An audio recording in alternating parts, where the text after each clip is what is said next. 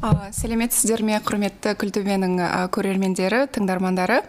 Сіздермен бүгін кезекті эпизод гендерлік теңдік жайлы төленетін және төленбейтін еңбек туралы сөйлесетін боламыз бүгін бізде қонақта. Ұлттық қыздар педагогикалық университеті әлеуметтік және гендерлік зерттеулер институтының директоры экономика саласында phd доктор айжан сәлімжанова. Және гендерлік зерттеуші ақбота сәдуақасова иә. Біздің осы күлтөбеге қонақ болып келіскендеріңізге рахмет. Сіздерді көргеніме қуаныштымын. Және де бірінші гендерлік теңдік еңбек бөлінісі туралы сөйлеспес бұрын гендер деген термин туралы сөйлессек ол не білдіреді? Гендер дегеніміз не жалпы?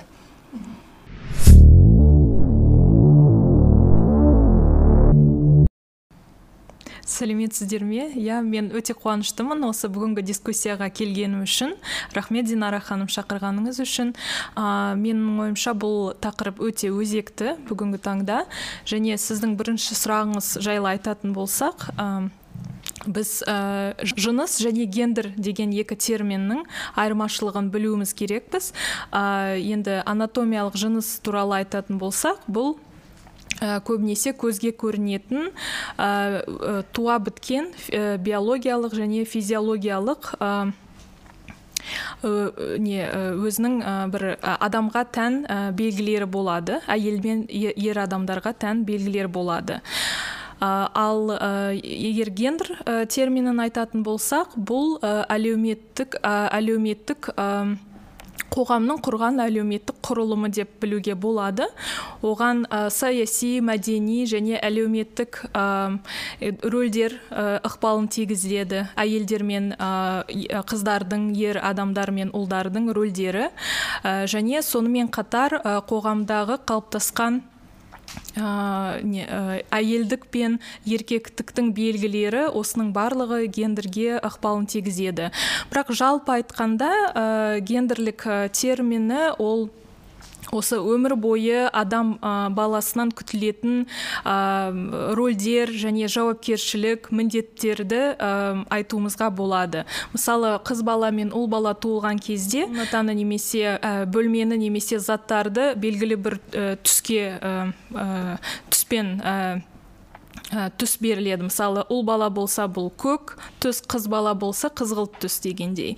Ә, немесе ә, дүниеге келген баланың ә, болашақта және өмір бойы ә, өмір сүрген кезде ә, қалай киіну керек қалай әрекет жасау керек ә, бос уақытын қалай өткізу керек қалай білім алу керек қандай салада білім алу керек.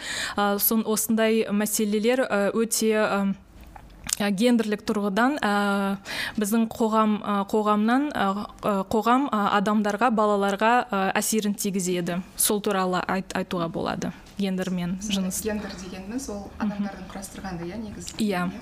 Қоғамның ә, негізі құрастырған. Иә негізі сіздер осы алдыңғы подкастлеріңізде айтқан болатынсыз ол кімдік туралы иә? Мысалы сон гендер сол кімдіктің бір жалпы факторы болады. Және мысалы мен әйел ә, деп өзімді айтсам мысалы немесе еркек деп айтсам ол да өзіміздің бір ә, идентичностіміздің бір ә, жартысы болады. Және ол гендерлік идентичность кімдік? Ол тек қана әйел мен еркек деген бөлінгеннен бөлінгенге байланысты емес. Оған және тағы этнос мысалы жас және тағы басқа ә, факторларды да ә, қосуға болады. Иә негізі жалпы бұл ә, гендер гендерлік теңдік мәселесі өте ауқымды тақырып қой. Ә, бірақ соның ішінде бүгін ә, көңіл бөлгім келгені ол ә, төленетін және төленбейтін ә, жұмыстардың болуы және оның гендерге қатысы қандай? Сол туралы сұрағым келген. Жалпы төленетін төленбейтін еңбек деп бөлуге болады ма? Әрине олай бөлуге болады екі түрлі еңбек. Ә, енді төленетін еңбек бәріміз білетін ә, еңбек нарығындағы белгілі бір ә, профессияны меңгерген немесе белгілі бір жұмысты атқаратын атқарған кезде төленетін ақы ал төленбейтін ақы ол ә, негізінде біздің ә, дүние жүзінде таралған тек қана қазақстан қоғамында ғана емес бірақ дүние жүзінде де бар ә, отбасының ішінде ә, жасалатын орындалатын белгілі міндеттер үшін немесе отбасы, отбасы шаруашылығында өндірілетін өнімдер өнімдерді және жұмыстар үшін ешқандай ақы төленбейтін жұмыс. Оны көбінесе әйелдер жасайды отбасының ішінде сонымен қатар жас қыздар әйел адам немесе қыз қыз бала отбасыда. Бұл күнделікті тұрмыстағы жаңа Э, үйді жинау тамақ жасау бала күту қарияларды күту деген сияқты осындай жұмыстарда атқарылатын кездегі ә, төленбейтін ә, жұмыс. Оған ә, да микроменеджмент жатады иә. Мысалы продукты алу. Ертең біз осы апта бойы қандай тамақ ішеміз оған алдын ала қандай тамақты алып қою керек ә, дүкенге не үшін бару керек? Мысалы ә, оқу жылы кел, ә, келе жатыр оның әкелері көбінесе құр ақшаны ғана береді ал ақшаны қалай ұстау керек соның бәрі ол әйелдің мойнында болып келеді. Және соның барлығы ол ә, әйелдің энергиясын да алады. Өйткені ә, біз мысалы жұмысқа барған кезде менеджер болып жұмыс істесеңіз сол үшін ақша, ақша аласыз иә. Ал әйел ә, әйелге өкінішке орай оның бәрі төленбейді иә қазір көбінесе әлеуметтік желіде ә, түрлі ә, жаңағы вайндар жүреді ғой. Мысалы күйеуі жұмыстан келеді ә, әйел үйде отырған әйеліне сен күні бойы үйде жатасың үйде жатып не не, не істеп шаршап жүрсің деген сияқты.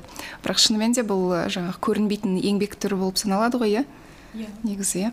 Ал қаншалықты бұл еңбек бөлінісінде біз ә, жаңағы гендерге бөліп қарастыру керекпіз? Ол не үшін маңызды? Ә, бұл өте маңызды негізінде ә, оны сіз айтқандай динара ханым көзге көрінбейтін еңбектің түрі. Ә, және ол тек қана көзге көрінбей ғана қоймай сонымен қатар экономикада да ә, ввп саналған кезде өкінішке орай ол не есепке алынбайды. Мысалы егер нарық, нарық еңбек нарығына шығып әйел адам немесе ер адам жұмыс істеп ақша табатын болса ол міндетті түрде ә, жаңағы экономикалық экономикалық тұрғыдан есептеліп ввп ға өзінің үлесін қосып отырады. Ал төленбейтін үй жұмысы ә, туралы айтқан кезімізде ә, өкінішке орай ә, нақты оны қалай есептеу керек деген бір методика жоқ. Бірақ енді егер біз нені әдебиетті қарайтын болсақ екі метод бар. Ол біреуі opportunity cost бұл деген әйел адамның өйткені біз жаңа өт, айтып өттік қой көбінесе бұл жұмыстар жұмысты әйел адам немесе жас қыздар жасайды деп үй шаруашылығында. Әйел адам мысалы ол жұмысты үй шаруашылығындағы жұмысты істемей еңбек нарығына барып жұмыс істеп ақша табатын болса ә, сол ә, табатын ақшасы еңбек нарығындағы алатын ә, жалақысы бұл сол еңбектің үй жұмысына үй жұмысын істемеген немесе соның ақысы ретінде. Санауға болады.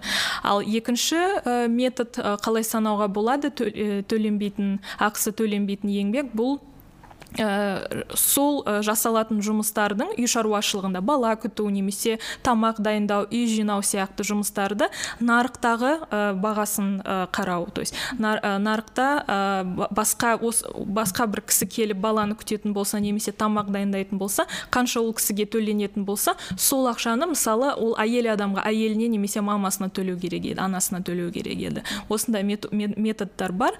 Бірақ олар енді ә, былай прям нақты деп айтуға болмайды бірақ осылай қолданылады экономикада ә, осындай ә, еңбек бөлінісіне келген кезде қазақстан қоғамы үшін бір ерекше бір ә, біздің мәдени ерекшелігіміз бар ма? Басқа елдерден мысалы айырмашылық? Иә негізі мысалы постсоветтік наследие деуге де болады иә. Мысалы өйткені біздің еңбек бөлінісіміз ол басқа мысалы ә, батыс елдерінен де бөлек болуы мүмкін осы ә, совет өкіметінен келе жатқан ә, әлем саясатын жалғас деп айтуға болады. Ә, және ә, біздің әйелдер олар ә, двойная нагрузка дейді ғой. Соны да бүкіл, әлемдегі елдер сияқты өздерінің мойындарына алып келе жатыр арқаларында алып келе жатыр. Соны мысалы тоғыздан алтыға дейін жұмыс жасайды. Одан кейін кем еткенде бір төрт сағаттай келіп үйлерінде жұмыс жасайды. Ол тек қана мысалы балалардың ә, балабақшасынан алып келеді. Немесе мектептен алып келеді оған тамақ береді. Үйдегі үлкендерге қарайды. Ә, және осындай ә, айтады ғой совет үкіметі кезінде ә, мысалы біздің әйелдер ә, біздің әйелдерге ә, свобода дейді ғой ә, еркіндік. берді деп. Негізінде олар толыққанды еркіндік берген жоқ тек қана жұмыс берді. Ол соған қоса ә, бере үй жұмысын да қосып берді. Солай деп айтуға болады. Иә мен ақбота ханыммен толығымен келісемін бұл тақырыпта. Ә, біздің орталық азия және постсоветтік өкіметтерінің арасындағы ерекшел, ерекшелік бұл ә, егер отбасыда әйел мен ер адам бар болатын болса олардың екеуі де еңбек нарығында жұмыс жасайды сегіз сағаттық болсын немесе әйелдер кейбір кезде толық күнді жұмыс жасамай тек қана жарты күн немесе сегіз сағаттан аздау жұмыс жасау мүмкін. Бірақ екі екеуі де жұмыс жасайды екі партнер де сон бірақ жұмыстан кейін иә жаңағы әйел адам қоса осыған қоса үй жұмысын үй шаруасымен де айналысады. Және орталық азия туралы айтатын болсақ біздің де ә, басқа постсоветтік өкіметтерден бір ерекшелігіміз ә, бұл үлкен үлкен кісілердің мысалы ер адамның ата анасының немесе әйел адамның да ата анасының ә, үй шаруашылық болашақта бірге тұруы деп айтуға болады. Ә, енді ол поколенияда бірге тұрғандықтан ол кісілер 65-75 жастан үлкен болса оларға да күтім керек. Тек қана кішкентай балаларға ғана емес ә, сол үлкен кісілерге де күтім жасалу керек ә, оларға да тамақ жасау керек ә, көңіл бөлу керек деген сияқты. Сондықтан бізде осындай модель орталық азияда және постсоветтік негізі мемлекеттер арасында осындай модель бар деп айтуға болады. Иә біз осы өткен жылдары бірақ жаңалықтарда көрсеткен. Мысалы астанада болды ғой қайғылы оқиға. Ата анасы екеуі де жұмыста. Бірақ балалар үйде қалып өртеніп кетіп қайтыс болған жағдайлар. Ә, бірақ көбінесе екі ата ананың да ата ананың да жұмыс жасауы ол балаларға да әсер етеді ғой. Ә, бұл жерде ә, енді қазақ қоғамы үшін ол бірден әйел адам бала қарап үйде отыру керек пе деген әлде отыра алады ма? Және де бұл жердегі шешім қандай мысалы иә осындай сұрақ қойылған кезде менің айтқым келетіні бұл мысалы ә, дамыған ә, батыстағы елдерге қарайтын болсақ ол, ол жерде ә, әлеуметтік услуги қызметтер. иә әлеуметтік қызметтер бала күтімі күтіміндегі әлеуметтік қызметтердің жақсы дамығандығын көре аламыз. Кейбір мемлекеттерде ол әлеуметтік толық әлеуметтік болып мемлекет тарапынан берілуі мүмкін қолдан қолдау алуы мүмкін. Немесе кейбір мемлекеттерде ол жеке кәсіптердің өзінің қызметкерлеріне осындай қосымша көмек ретінде бала бақша бала күтімі қызметтері берілуі мүмкін. Сондықтан ә, мен ойлаймын ә, бұл сұрақта ә, егер біз не, қаншалықты дұрыс деп қоюдан бұрын біз қаншалықты осындай қызметтер бізде әр адамның әр әйел адамның әр әйел адамға қолжетімді деген сұраққа жауап беруіміз керекпіз. Біз статистикаға жүгінетін болсақ өкінішке орай үш жасқа дейінгі балалардың арасында біз тек қана 15 пайыздық осы қазақстан бойынша бала бақшаларда 15 пайыз балалар ғана балабақшаға барады деп деген ә, статистиканы көре аламыз. Үш жасқа дейін. Ал үш жастан алты жеті жасқа дейін енді процент ә, кішкене жоғары әрине жетпіс пайызға дейін жетіп жатыр. Қазір енді ә, соңғы жылдары бірнеше ә, стратегиялар қолданылды. Поддержка программалар жасалынды қолдаулар көрсетіліп жатыр мемлекет тарапынан. Сондықтан үш жастан жоғары үш үштен жоғары балалар үш пен алты арасындағы балалар жас арасындағы балалар көбірек енді балабақшаларға барып аналарының және отбасы мүшелерінің уақытын босатып олардың жұмысқа еңбек нарығына тартуына осылай әсерін етеді әсерін тигізеді. Иә әрине осындай қайғылы оқиғалар туралы естіген кезде ә, мысалы ә, ресейде ғой деймін мынандай жағдай болды. Ә, әйел анасы баланы өз әкесімен қалдырып өз жұмыс жұмыстарымен кетеді. Содан кейін ә, бала ә, бір нәрсеге ұшырайды. Содан кейін ә, комментарийларды көрсек олар неге анасы әкесімен қалдырып кетеді деп айтады. Ол ойға қонбайтын нәрсе. Неге өз бала әкесімен қала алмайды иә? Және осындай жұмыстардың бәрі әйелге по дефолту қойылады. Өйткені әйел сондай жұмыстар табиғат мысалы сөйтіп ойластырып қойды ма деп ойлайды. Және екіншісі жұмысқа шығарған кезде сол жұмыс істеп жүрген кезде де мысалы әйелдің балалары болса балалары болса ол мысалы түскі үзіліс кезінде сол балаларын ойлап отырады. Мысалы ертең утренник болады қандай киім алу керек ә, мектепке осындай киім керек деп ойлап отырады. Сол жұмысты толыққанды істей алмайды ә, көңіл бөле алмайды және баласына да қарау керек. Осындай ә, қайтадан ә, двойная нагрузка дейді ғой сол әйелдің ә, арқасында болады. Иә мысалы европалық елдерде біз ә, өте жиі ә, ер адамдардың ә, жаңағы коляскамен балаларын сүйреп жүретінін көреміз. Бірге сол магазинге барады сол продуктын алады. Ал бізде қазақ қоғамында ондай адамдар болса да бірақ өте сирек. Сонда ер адамдар баланы қарау ұят деп санай ма? Әлде бұл неге? Бізде басқаша. Енді соңғы кезде өзіңіз айтқанда динара ханым бізде де ондай ер адамдардың әкелердің саны көбейіп жатыр деп ойлаймын. Өзім де көріп жүрмін далада. Бірақ біз мемлекеттік қолдау жағына қарайтын болсақ неге ондай ер кісілердің аздығы бұл политикаға байланысты? Отпуск по уходу за ребенком деген бізде не бар ғой жаңағы ә, как? Отпуск бар сондай. Ол ондай отпуск алған кезде жалақы толығымен төленбейді. Мысалы тек қана 90 пайызға дейін барады және тек қана бір жылдың ішінде. Ә, осылай ә, отпуск алған кезде әрине ер адамдардың біздің қазақстан қоғамында ер адамдардың жалақысы жоғарырақ болғандықтан олардың ынтасы да төмен болады. Ондай отпускты алып бір жыл бойы балаға қарап отыру деген олардың сол материалдық жағынан ынтасы азырақ болады. Және әрине ол біздің стереотип, емес нормаларға және қоғамымыздағы мәдениетімізде қалыптасқан образдар осы да өзінің әсерін тигізеді деп ойлаймын міндетті түрде. Иә осындай ә, қоғамдық нормалар ә, біз әйелдерді де еркектерді де шектейді. Мысалы ә, біз осы трц ға кірсеңіз иә торговый центрға кірсеңіз ол жерде комната матери и ребенка деген бар иә ол жерде әке әке де баласын мысалы памперсін ауыстыра алады ғой жоқ ондай ешкімнің ойына кіріп шықпайды. Және ә, бар жерде рекламаға да қарасақ ылғи әйел ол баласымен бірге болады. Ол ә, әкесі мысалы баласын ұстап келе жатқан рекламаны өте сирек көреміз. Ә, көбінесе әке алимент төле деген реклама ғана болады. Сондықтан иә осы қалыптасқан нормалар бірақ та қуанышқа қарай біз солардың өзгеріп бара жатқанын да көруге болады. Ал ә, мысалы жаңағы сіз бала күтімі бойынша демалыс істедіңіз ғой? Ә, декрет дейміз ғой декретный деп айтуға болады ғой иә? Ал сіз сондай нелерді білесіз бе? Жағдайларды? Ер адам алған декрет қазір қазақстанда ондай өзгерістер бар ма? Аз да болса да. Иә әрине ондай өзгерістер бар. Тіпті жаңалыққа да шығып жатыр. Мен бірнеше статья оқығам мақала оқығам.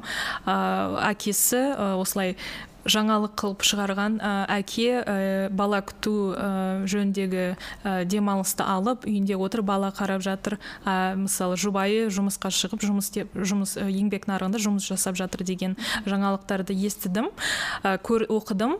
Ә, және өзімнің таныстарымның ішінде ондайлар жоқ өкінішке орай. Бірақ ә, таныстарымның арасында ә, жұмыстан кейін балаға ә, және үй шаруашылығына бірдей жауапкершілік міндет атқаратын ә, жұбайларды да көрдім ә, партнерлерді параларды.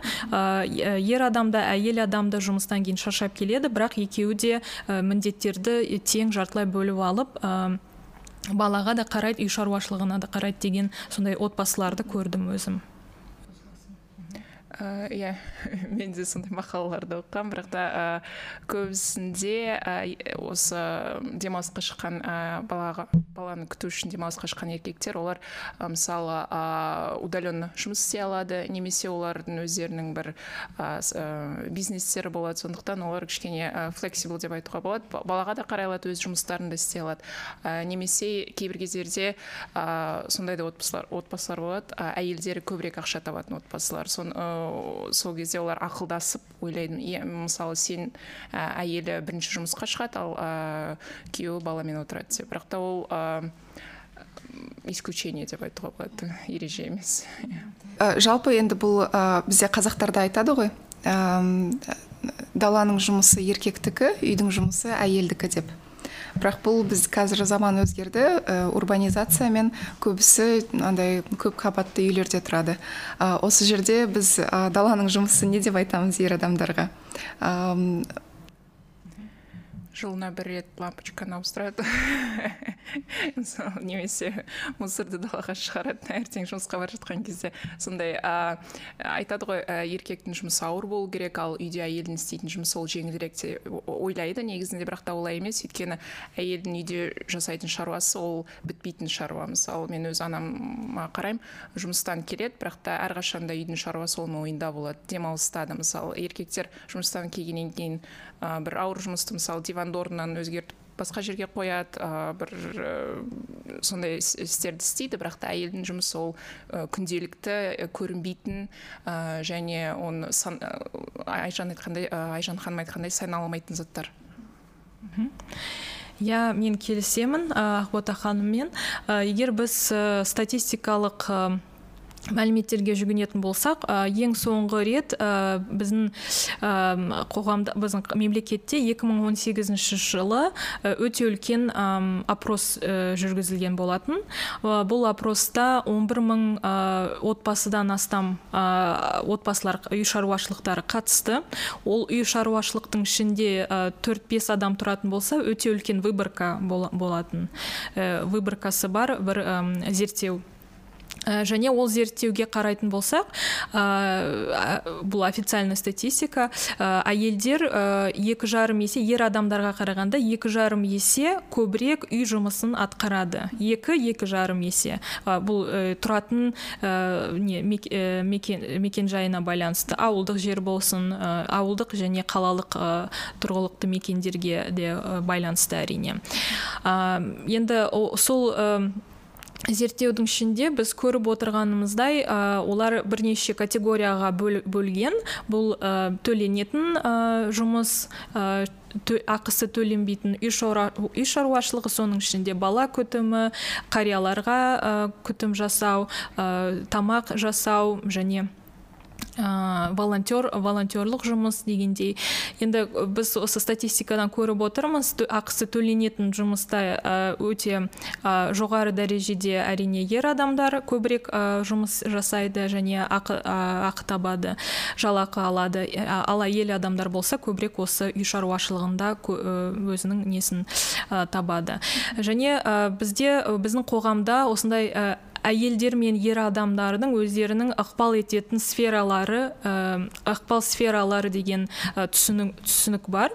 Ә, бұл деген әйел адам үшін бұл отбасы бала үй жұбайы немесе бір әлеуметтік қоғамдағы болып жатқан бір жағдайлар болса ер адам үшін оның ықпал ететін сферасы көбінесе сырттағы немесе көзге көздің алдында жүретін көп бір орыннан бір басқа жаққа көп қимылдап жүретін бір жұмыс немесе көбінесе армия немесе полиция деген сияқты осындай сфераларда жұмыс істеу немесе бір жақсы жоғары деңгейдегі білімді талап ететін дәрігер юрист сияқты жұмыстарды атқаратын бір жұмыстар осы немесе әкімшілік әкімшілікте жұмыс істеу сияқты сфералар көбірек ер адамға тиесілі деп осылай осындай түсініктер бар біздің қоғамда. Иә айжан сіздің әріптестермен бірлесіп жазған мақалаңызда сіздер айтасыздар. Осы әйелдер енді бала күтімі бойынша енді жұмыстан енді отпуск демалыс алады ғой. Сол себептен де олар ер адамдардан қалып қояды дейсіздер квалификация бойынша иә. Ал қазақстандағы осы енді статистика бойынша бұл қаншалықты қандай деңгейде? Иә ә, негізі көбінесе біз көріп отырғанымыздай ә, әйел адамдар ә, тұрмыс құрып ә, тұрмыс құрғаннан кейін бір екі жылдың ішінде ә, бала ә, көтеріп бала ә, балалы болып содан кейін үш жылға дейін ә, кейбір отбасыларда екінші бала ә, балалы болып ә, содан кейін алты жылға дейін немесе одан да көп жылға дейін әйел адамдар үйде отырып қалулары мүмкін. Ол алты жыл болсын бір жыл болсын үйде отырып қалу деген бұл квалификацияңды кішкене жоғалту деген сөз. Жұмысқа қайтадан оралған кезде сіздің әріптестеріңізбен бірге сіздің жалақыңыз өспейді. Өйткені бір жыл екі жыл сіз жұмыс жұмысыңыздан тыс қалып қойдыңыз. Және олардың жалақысы сол кезде және квалификациясы өсіп отырды. Ал ә, декреттен келген әйелдікі өскен жоқ. Сондықтан бұл жерде ол ә, жалақы жағынан ә, қалып отырады. Сонымен қатар пенсия пенсионный взнос ол да мысалы ол жылдар аралығында мысалы бүкіл мысалы үш жылдың ішінде ол бүкіл үш жыл үшін төленбейді ғой ол. Мысалы тек қана белгілі бір бір жылдың ішінде ғана төленуі мүмкін да. Ал қалған екі үш жылдың ішінде немесе одан да көп жылдар аралығында әйел адамдардың пенсионный взностары өкінішке орай төленбейді. Бұл деген болашақта ол пенсияға шыққан кезде де өзінің ер азаматынан күйеуінен күйеуіне тәуелді. иә болу болуына соғу соғуы мүмкін. Өйткені ол әйел ондай әйелдің алатын пенсиясы төменірек болуы мүмкін.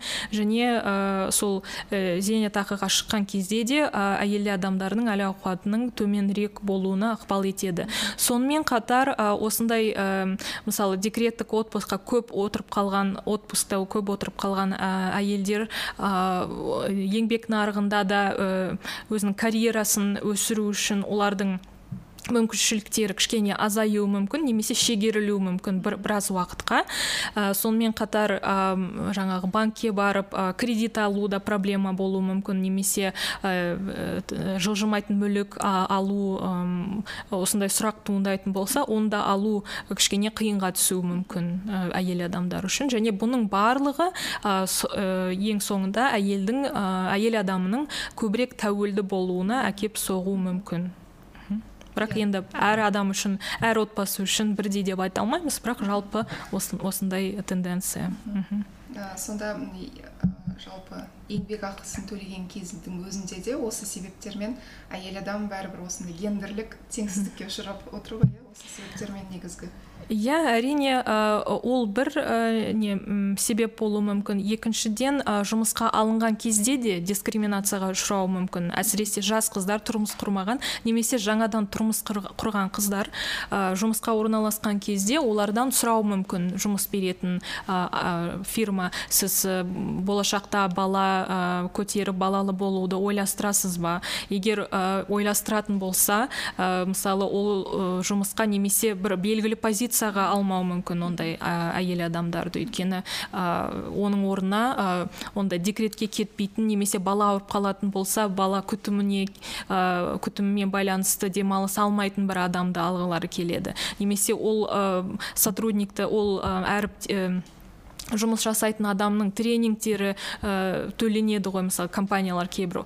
ондай тренингтерге де жібергісі келмейді кейбір кезде ондай әйелдерді өйткені олар ойлайды ал ертең бәрібір ә, бала күтімі жайындағы демалысқа кетіп қалады біз неге оған ақша төлеуіміз керекпіз деп сонымен қатар кейбір ә, не ә, зерттеулер көрсетеді әйел адамдардың кішкене өзіне сенімділігі төмендеу болғанын көрсетеді.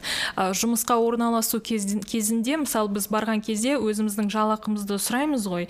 Ә, кейбір кезде әйелдер сұрауға ұялады немесе азырақ сұра, сұрайды. Өйткені ә, не болса да мен осы жұмысқа тұрып алайын содан кейін мүмкін жұмысқа алынғаннан кейін барып мен өзімнің жалақымды кішкене ақырындап көтере бастаймын деп сондай оймен барады. То есть ә, әйел адамда да кішкене өз өзіне сенімділік төменірек болады деп көрсетеді зерттеулер.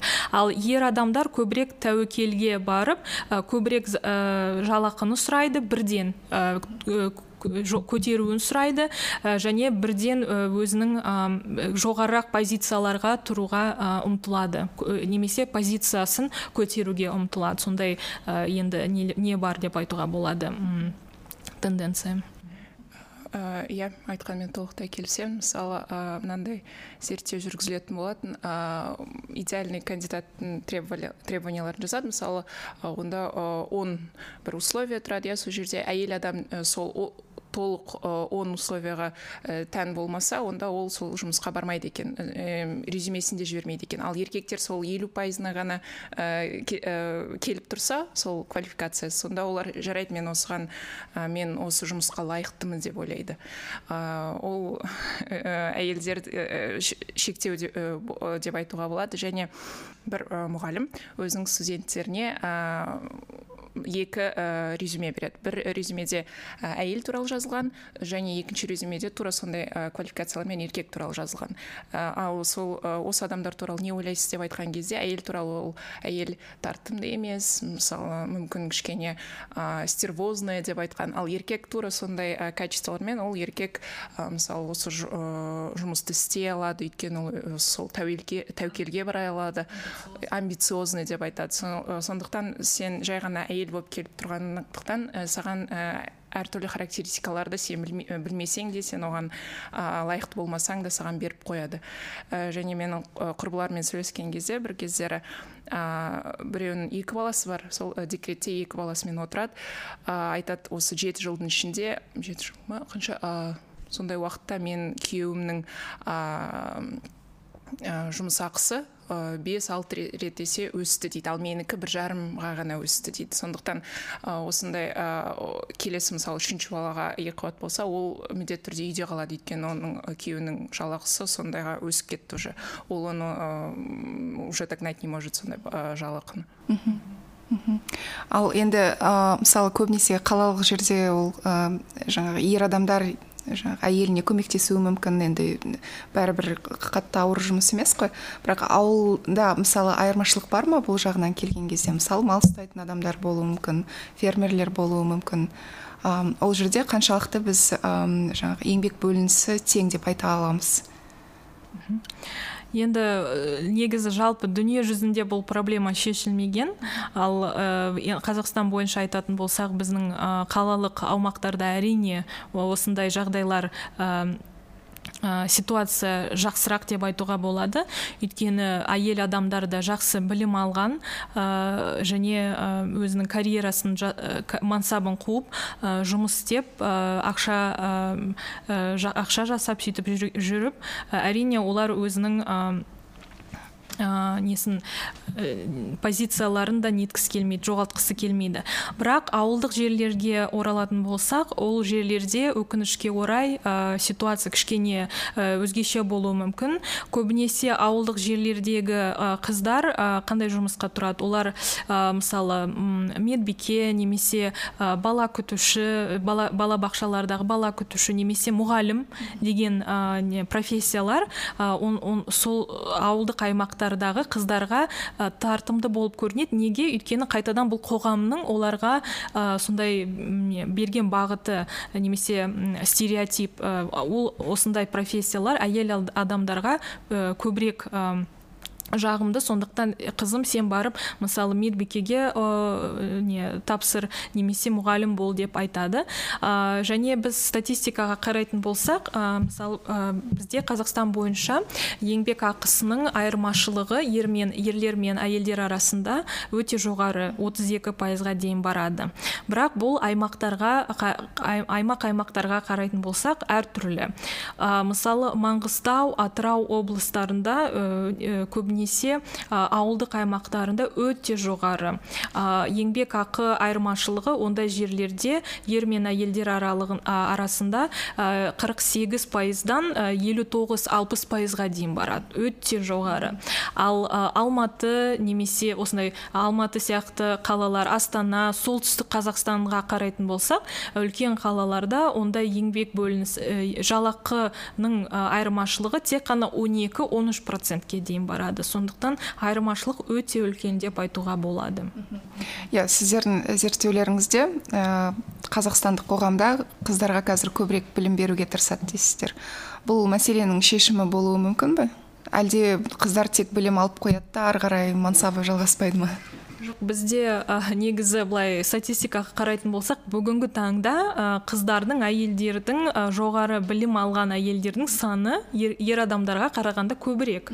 Ә, енді қатты көп болмаса да енді ә, әйелдер жетпіс үш пайыз деп білем соңғы статистика ал ер адамдар алпыс бір пайыз ба сондай ә, статистикаға жүгінсек.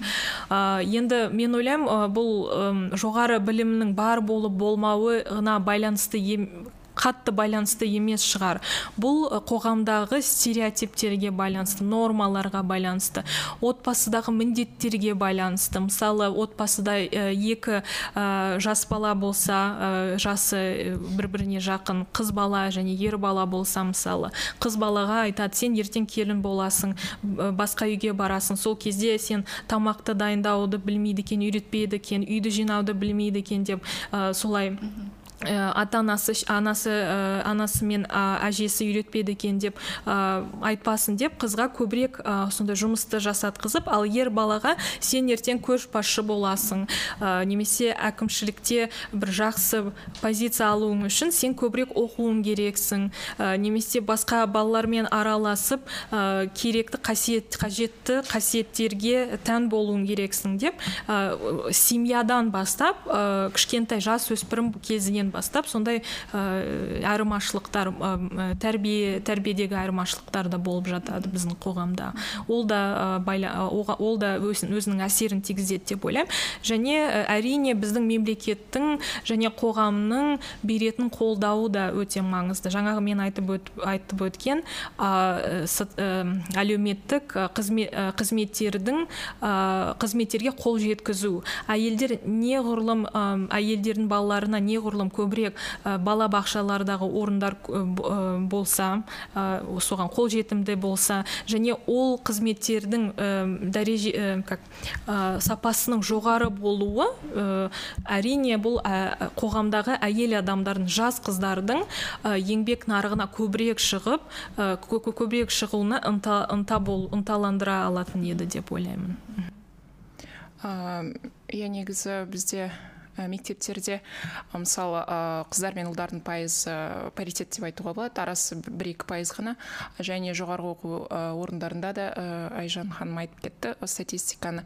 Бірақ та ол осы совет үкіметінің тағы да қалған саясатын саясат деп саясаты деп айтуға болады. Бірақ та мектептерде де көптеген мысалы гендерлік стереотиптермен ә, біз ә, күресуге тырысамыз. Иә өйткені ә, қыздарды үйретіп жатады ғой. Сен өзіңді тыныш отыр сен қыз баласысың ғой сен шошаңдамай отыр деп айтады. Мысалы ал ұлдарда ондай качестволарды наоборот э, көтере бастайды сен э, болашақта осы бастық боласың сен сондай болу керексің. Сен бәрін жұлып шығып алдыға шығу керексің деп айтады. Ә, және ә, мысалы біз нарыққа қарасақ ә, қыздар оқу орнын бітіреді. Одан кейін көбінесе бізде қызмет секторында әйелдер жұмыс істейді. Ал ол қызмет секторында жұмыс істегенмен ол жерде жалақылар өте төмен. Мысалы немесе образование образованиені алайық. Сол жерде де көбінесе әйелдер жұмыс істейді. Здравоохранение ол жерде де әйелдер ә, сервистік экономикада да әйелдер жалақылары өте төмен және ол жұмыстар ә, престижді деп ә, саналмайды қазіргі кезде иә солардың престижін көтеруге тырысады бірақ та стереотиптер әлі көп.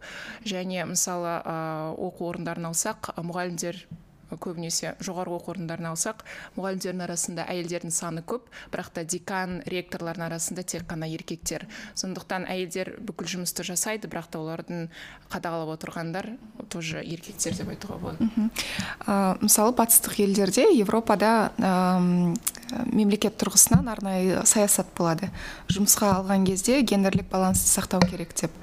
Ал бұл жағдайға келген кезде қазақстанда осындай саясат жүргізіледі ме? Әлде жалпы көтеріледі ме осылай жасау керек деп? Әрине біздің мемлекетте де қазақстанда да осындай саясаттар жүргізіліп жатыр. Ә, мысалы ә, мемлекеттегі мемлекет басшылары ретінде мемлекет басшылары емес анау депутат ә, мәжілісте отыратын әйел адамдардың санын көтеру үшін оларға да квота жасалынады. Бірақ соңғы кезде ол квоталарға квоталар туралы да өте көп ә, талқыланып жатыр. Өйткені ол квоталар тек қана әйел адамдар үшін емес сонымен қатар жас ә, жастарға да берілген. То есть әйел адам және жастарға деп беріледі. Сондықтан оның ішінде де елу пайызы әйел елу пайызы жастардың ішінде оның көбіне көбісі ер адамдар болуы мүмкін. Сондай талқыланып жатыр осындай ә, не мәселелер. Бірақ еңбек нарығын алатын болсақ ә, біз өкінішке орай әлі күнге дейін ә, белгілі экономиканың салаларының өте жоғары дәрежеде феминизациясын көріп отырмыз. Жаңағы ақбота ханымның айтқанындай. Және көптеген осы ә, теңсіздікті жою үшін әрине біздің қазақстанда ә, белгілі мансаптардың белгілі профессиялардың ә, престижін көтеру үшін ол, ол, ол жердегі жалақылардың ә, мөлшерін көтеріп жатыр мемлекет тарапынан көтеріліп жатыр. Сонымен қатар ә, әйел адамдар үшін де ұлттық ұйымдар түрлі программалар ұйымдастырып жатыр қолдау көрсетіліп жатыр. Немесе әйел адамдар жеке кәсібімен айналысқысы келсе ә, дүниежүзілік банк тарапынан немесе оон біріккен ұлттар ұйымы, тарапынан да қолдау көрсетіліп оларға программалар жасалынған. Кредит микрокредит беру немесе кредит үлкенірек кредит беру деген сияқты. Және біздің де даму программалары да бар. Олар да сондай өзінің қолдауларын көрсетіп жатыр. Сондықтан енді жағдайды өзгерту үшін жағдай қалыптасқан қалыптасқан жағдайды өзгерту үшін біздің мемлекет өзінің істей алатынын жасап жатыр деп ойлаймын.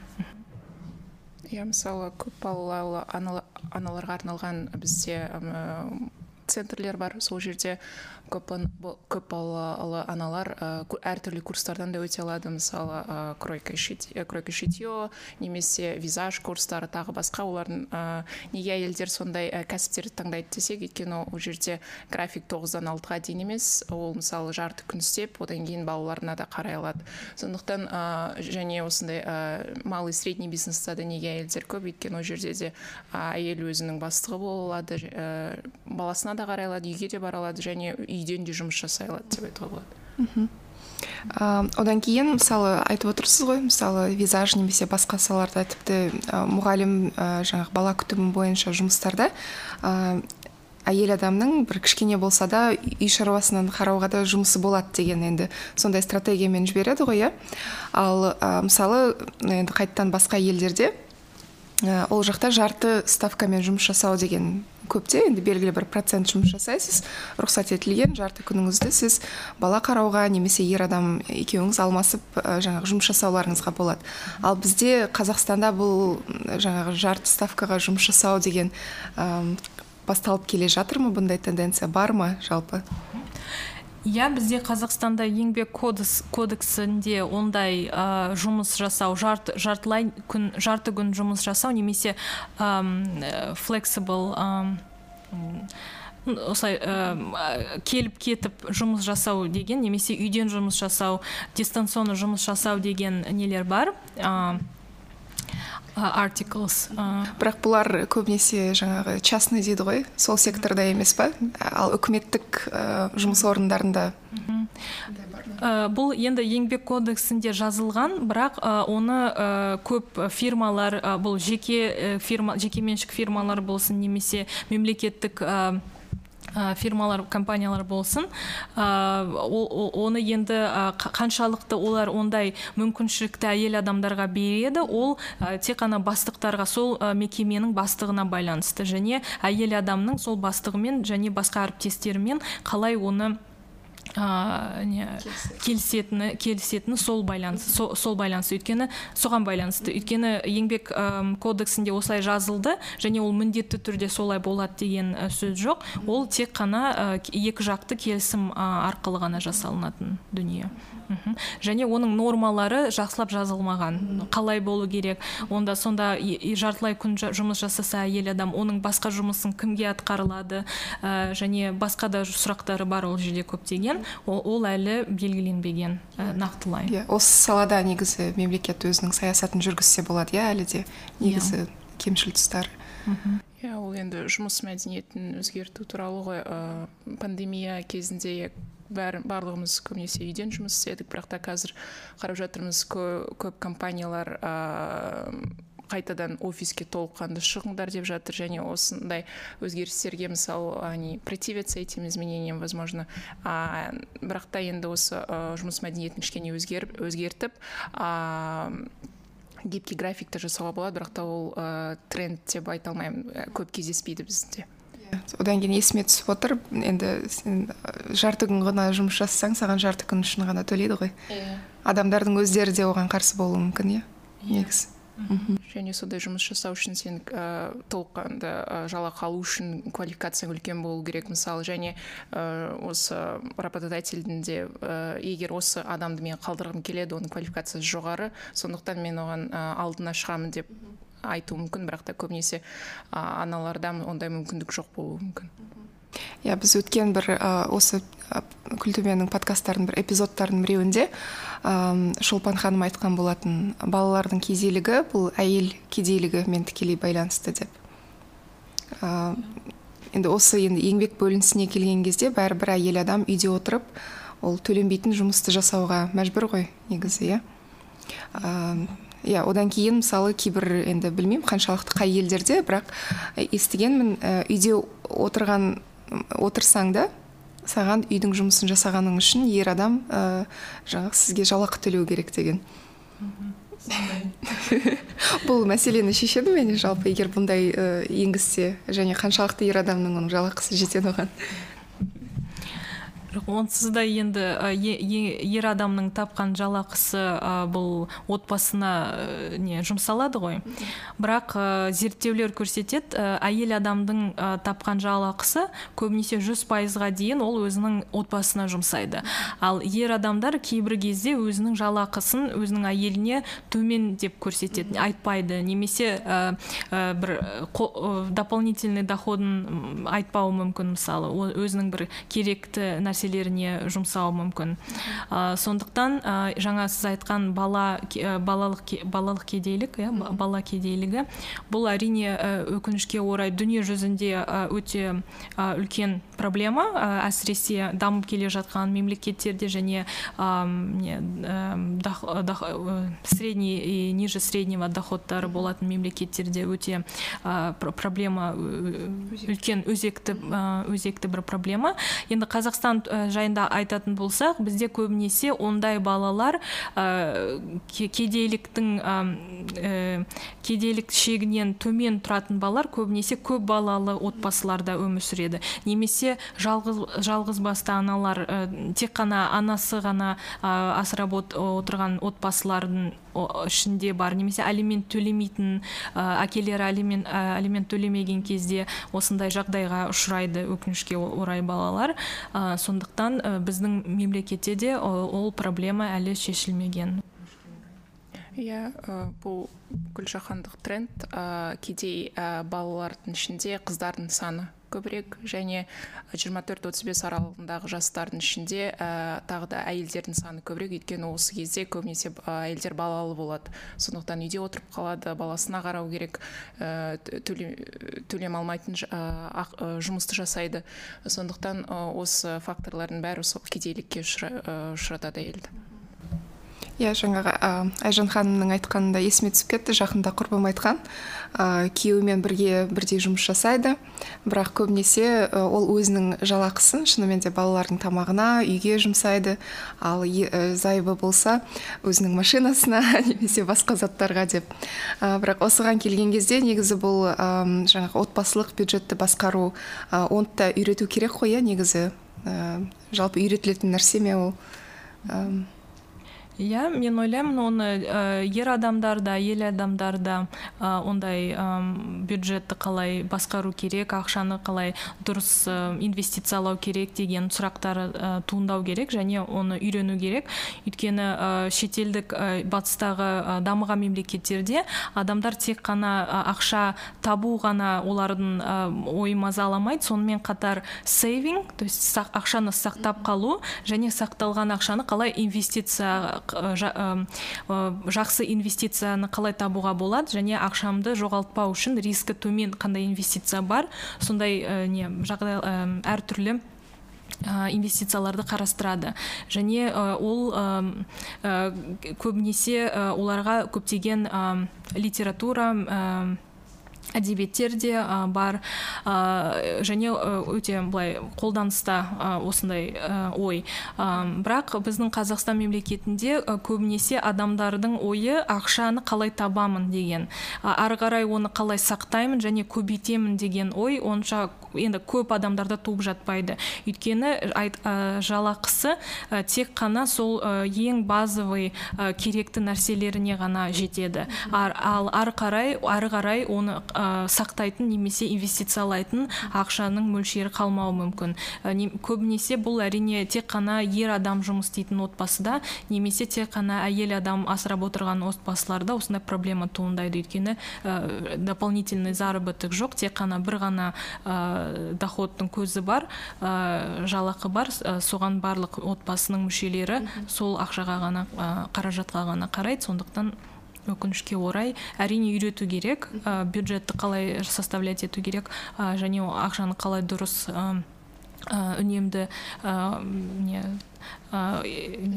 үнемдеуге болады. Сондай сұрақтар өте маңызды деп ойлаймын.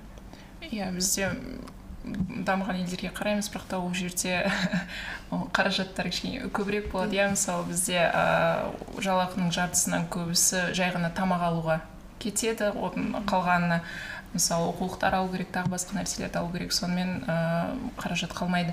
Ә, және үйдегі отбасы бюджетін жүргізген кезде біз әртүрлі сценарийларды көреміз. Мысалы кейде үлкенірек адамдар айтады ә, күйеулері жалақысын түгел әйеліне береді ол жұмсайды деп үйге жұмсайды деп. Бірақ та айжан ханым айтқандай жалақысын бәрін бермеуі мүмкін. Кей кезде мысалы жас әйелдер тұрмысқа шыққан кезде олардың жалақыларын енелері алып алуы мүмкін.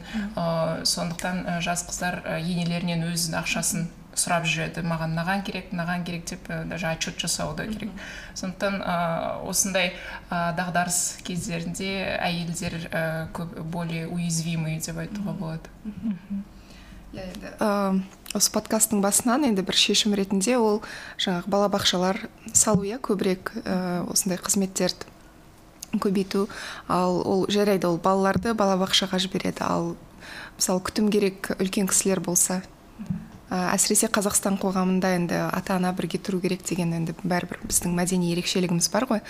Бұл ә, жаңағы нені қалай шешуге болады мемлекет тарапынан енді мысалы? Иә бізде ә, біздің қоғамда ә, мемлекет ә, ондай ә, жұмысты ә, отбасыға жүктеп отыр үй шаруашылығына то есть үй шаруашылығындағы әйел мен ер адамдарға көбінесе әйел адамдарға жүктеп отыр. Ә, айтып айтып ә, айтқым келетіні бізде қарттар күтімі үйлері ондай жақсы дамымаған жаңағы балабақшалар сияқты. Өкінішке орай ол жердегі картина тіпті нашар деп айтуға болады.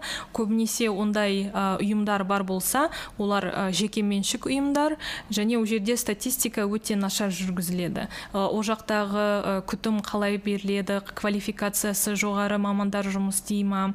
Ол жақтағы қарттар не как довольны не көрсетіліп отырған қызметтерге көңілдері тола ма деген сұрақтар өкінішке орай көп жауапсыз қалып отыр. Және өкінішке орай дүние жүзінде сонымен қатар қазақстанда да қазір бізде старение населения болып жатыр. Өте бізде үлкен қарқынмен қарттардың саны көбейіп жатыр. Енді қазақстанда мүмкін ондай қатты болмаса да бірақ батыс елдерінде америка немесе южная корея оңтүстік кореяда мысалы өте бұл проблемалар острый болып жатыр. Және мемлекет тарапынан ә, бұл проблеманы шешу үшін өте көптеген ә, қолдаулар көрсетіліп жатыр. Біріншіден олар қандай ә, олардың несі қандай ә, политикасы қандай? Бірінші біріншіден олар ә, точный статистика жүргізу керек анықтап алу керек. Ә, ә, мысалы елу бес алпыс алпыс бестен асқан ә, және сексен бес тоқсанға дейінгі аралығындағы қарттардың нақты саны қанша? Және оларға қарай алатын отбасылары бар бар ма? Отбасыларында мысалы жұмыс істемейтін адамдар болса мүмкін оларға ә, бір ақшалай көмек көрсету керек. Ә, олар үйде қалып сол қартқа қарау үшін. Өйткені ол еңбек нарығына шығып жұмыс істей алмайды тек қана сол кісіге қарап отыру керек. Кейбір кезде енді ә, күндізгі уақытта жұмыс істеуі мүмкін бірақ ә, егер қарт адам өте ә, не күтімі ә, күрделі болса әрине ә, ондай кісілерге он, ондай кісілерді қарайтын адамдарға ә, бір ә, мемлекеттен мемлекет тарапынан ақша бөліну керек. Және ондай ақша бөлінетін болса ол бюджет бюджетке қаншалықты ауыртпалы болады мемлекеттік бюджетке? То есть ондай ақша бар ма? Және бөлінетін болса оның несі отдачасы қандай болады? То есть не тиімдірек қарттарды қарайтын профессионалдар қарайтын ұйымдар жасау ма құру ма немесе үйде отырып оларға қарайтын мысалы бір отбасы мүшесі қарайтын болса оған ай сайын немесе бір белгілі уақыт уақыт аралығында бір ақша төлеп отыру сол тиімді ма? Және ол қарттардың өздерінің де предпочтениялары болады. Кейбір кезде ә, қарттар айтуы мүмкін. Ой мен мысалы өзімнің қызыммен немесе немереммен тіл табыса алмаймын. Ә, оданша барып өз күндізгі уақытта мысалы балаларым жұмыста болған кезде мен осындай ұйымға барып сағат тоғыздан алтыға дейін өзіммен жасты адам қарт қариялармен сөйлесіп бір программалары болады оздоровительный. Сол сол жерде уақытымды өткізейін да сосын кешке қарай мысалы үйге барып демалайын деуі мүмкін. Немесе жоқ мен ондайға тіпті қарсымын біздің қоғамда ондай ешқашан болмаған қарттарға тек қана өзінің балалары немерелері қараған деген сондай да пікірлер болуы мүмкін сондықтан мен, мен ойлаймын бұл мәселені шешпестен бұрын осындай сұрақтарға жауап беріп алу керек анықтап алу керек өте жақсы статистикалық база болу керек. Содан кейін барып әртүрлі политикаларды ойластыруға болады мемлекет тарапынан. Негізі бұл тағы да үлкен қоғамдық мәселе. Өкінішке орай мен бұл салада енді қарттарға қызмет көрсету салаларында экспертизам жоқ. Бірақ та айтқым келген бізде әйелдер мысалы еркектерге қарағанда он жас көп жасайды иә. Мысалы жетпіс үш па жетпіс бес жасқа дейін өмір сүрсе в среднем онда еркектер жетпіске дейін де жетпеуі мүмкін. Сондықтан осы қарттардың арасында әйелдердің саны көбірек. Және айжан ханым айтып кеткендей әйел мысалы қырықтан асқаннан кейін елуге жеткенде одан кейін нарықта оған орын жоқ деп айтуға болады. Кім болып жұмыс жасай алады ол? Сондықтан ол өзінің балаларына тәуелді болып қалады. Сондықтан осы денсаулыққа көп көңіл бөлу керек. Сол әйел адам мысалы осындай жасқа жеткеннен кейін өзіне қарай ала ма? Ә, және онда превенция дейді ғой. Ауыр, әртүрлі ауруларды ауруларды өшіктірмеу үшін не істеуге болады? Ә, сондай ә, жұмыстар жасауға болады деп ойлаймын. Біздің уақыт келіп қалды. Енді айта берсе негізі өте маңызды тақырып және де әлі де жасалу керек істер көп. Ә, айжан ханым айтқандай шынымен зерттеулер жасалу керек. Бірақ зерттеулерден де бөлек шынымен де мемлекет тарапынан және қоғам тарапынан біздің біраз өзіміз жасай алатын ә, біраз істер бар. Сол қадамдарды енді жасап әрине енді біздің подкастымыз кішкене енді осындай медиалық болғандықтан ә, енді ең біріншіден енді адам ретінде осы тыңдарман ретінде біз де осындай ә, теңдей ә, адал еңбек бөлінісін сақтасақ бір бірімізге жаңағы әйел еркек демей ә, бірге жұмыс жасап енді осы бағытта енді жаңағы жұмыстар жасасақ деймін. Сіздерге уақыттарыңызды бөліп келгендеріңізге рахмет. Шақырғандарыңызға рахмет осындай жобалар көбейсе деп ойлаймыз. Көп рахмет. Өте қызықты болды.